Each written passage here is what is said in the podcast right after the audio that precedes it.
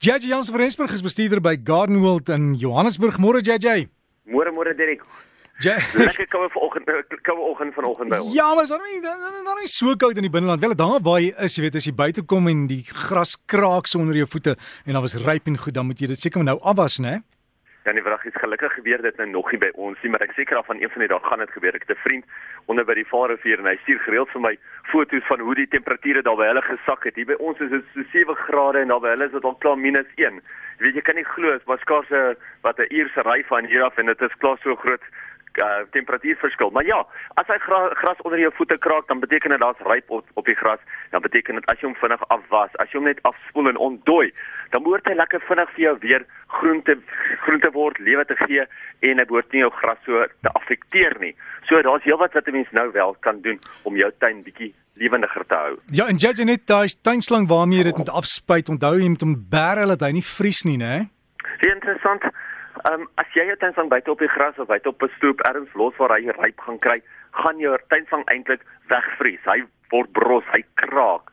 So as jy hom kan ergens onder dak sit of oprol ergens sit waar hy nie so gaan kraak en so gaan um, hard vries nie, gaan hy baie langer hou, gaan hy baie beter hou. En jy weet as hy vol water lê en hy het gevries, dan gaan jy rukkie sukkel om my water eers uit te kry of vir hom om te ontdooi voordat jy eers daai gras kan nat maak. Jy 'n vraag van die Kaap of iemand vra, hulle het rhubarb plantjies, hoe hoe kry mense dan die gang? Sal dit groei daar?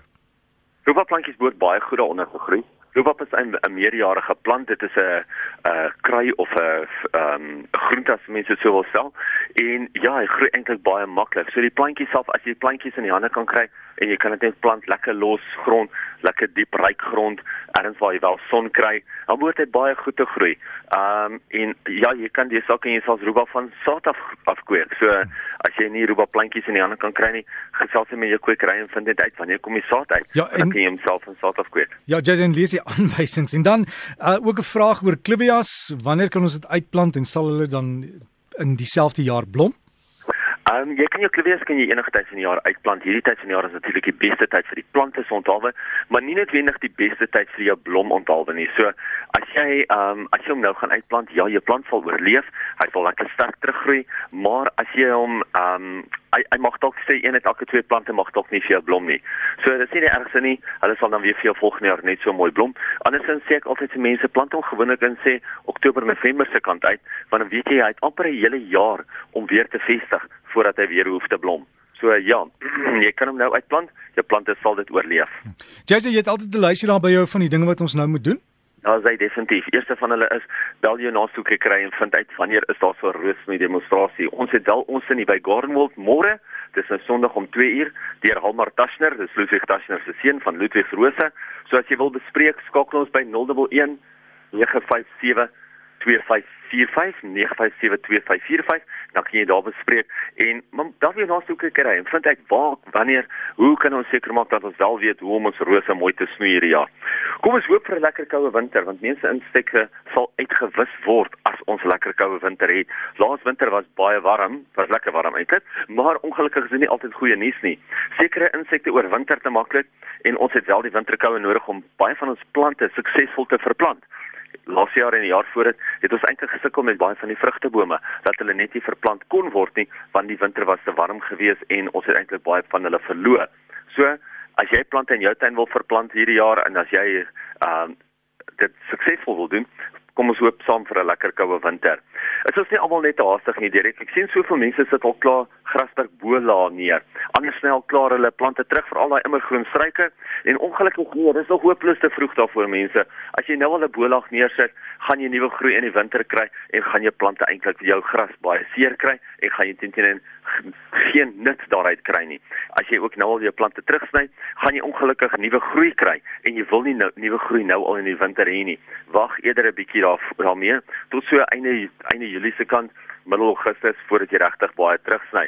Selfs jou vetplante kan ook baie skade opdoen in die winter. Baie mense dink natuurlik dat vetplante glad nie skade kan kry in die winter nie. Maar as jy in 'n baie koue streek bly en jy het baie vetplante in jou tuin, is dit nogal die moeite werd om hulle ook toe te maak waar nodig sodat jy wel, wel nie daai koue skade kry nie. Jou vetplantjies kan baie maklik bars of daai rypskade wat hulle kry is regtig baie keer net te veel. Skadinet is ongelukkig ook nie goed genoeg teen ryp nie. Baie mense sê maar ek het skadinet in in my tuin ek het my klein kweekhuisie gebou, my plante gaan lekker warm kry in die winter. Nee, jou winterkoue beweeg dwars deur die skadunet. Hoe digter die skadunet natuurlik, hoe minder gaan die koue daardeur beweeg, hoe minder gaan die winde daardeur beweeg, maar die skadunet op sy eie is nie goed genoeg nie. So probeer eerder om daai skadunet wel toe te maak. Die ander ding is mense wat dormante bolle in hulle tuine het.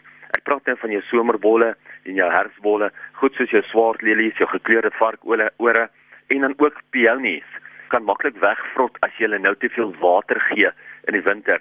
So maak seker dat jy daai beddings nou nie sop nat hou gedurende die wintermaande of oormatig water gee nie, want hulle het nie eintlik blare wat van die water kan ontslaa raak nie, wat daai water weer kan laat verdamp nie. Ek was hierdie week was ek by die SANA kongres gewees En ek dink dit is reg dat ek vinnig vir almal vertel wie was die wenners in die kwekerybedryf gewees, watter kwekerye was as die wenners aangewys gewees. En die e eerste plek wenner was natuurlik Greenside Kwekery in Bloemfontein. Hulle was die wenners gewees hierdie jaar by die SANA Kongres op, op by die SANA Kwekersvereniging. Green Tidings in Polokwane was die tweede die naaswenners gewees. Hulle was die wenners gewees by die medium grootte kwekerye. Maar Greener Tidings in Polokwane was die tweede wenners gewees. Hulle was basies tweede in die ry en dan in die kleiner kwekerye het Concrete Garden Creations van Mpumalanga net by skant Nelspruit op die Barbertonpad was die beste was as die beste klein tuinsentrum aangewys gewees. So daarso het julle nou julle wenners, julle weet nou ook waar om te gaan kuier en bietjie as julle daar verbyry, stop bietjie en kyk hoekom is hoekom is die kwekeryvereniging so gelukkig, so trots op hulle om hulle as wenners te kroon. Ons plan van die week vir hierdie week is natuurlik een van ons ou gunstelinge, is een van jou Nandinas, jou Japaneese heilige bamboesies. Maar hierdie ene is 'n Nandina blush pink.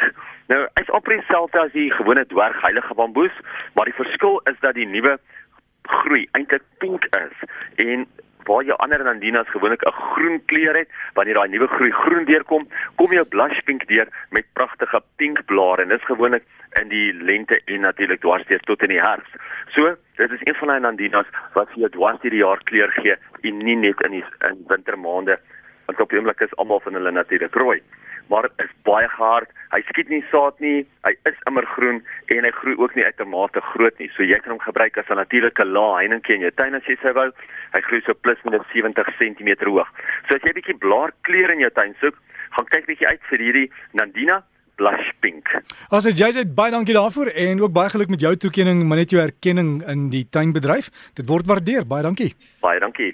JJ Jansen van Rensburg daar van Gardenwold. So wil e-pos is JJ by gardenwold.co.za en iemand sê ons moet hom ook vra om dalk volgende week net te sê watter groente ons kan plant in die tuin sal vir JJ daai huiswerk gee. Haar e-posadres van JJ is JJ by gardenwold.co.za en jy kan met daar vir 'n paar vrae vra en dan kan hy dit sommer antwoord of op hulle Facebook bladsy.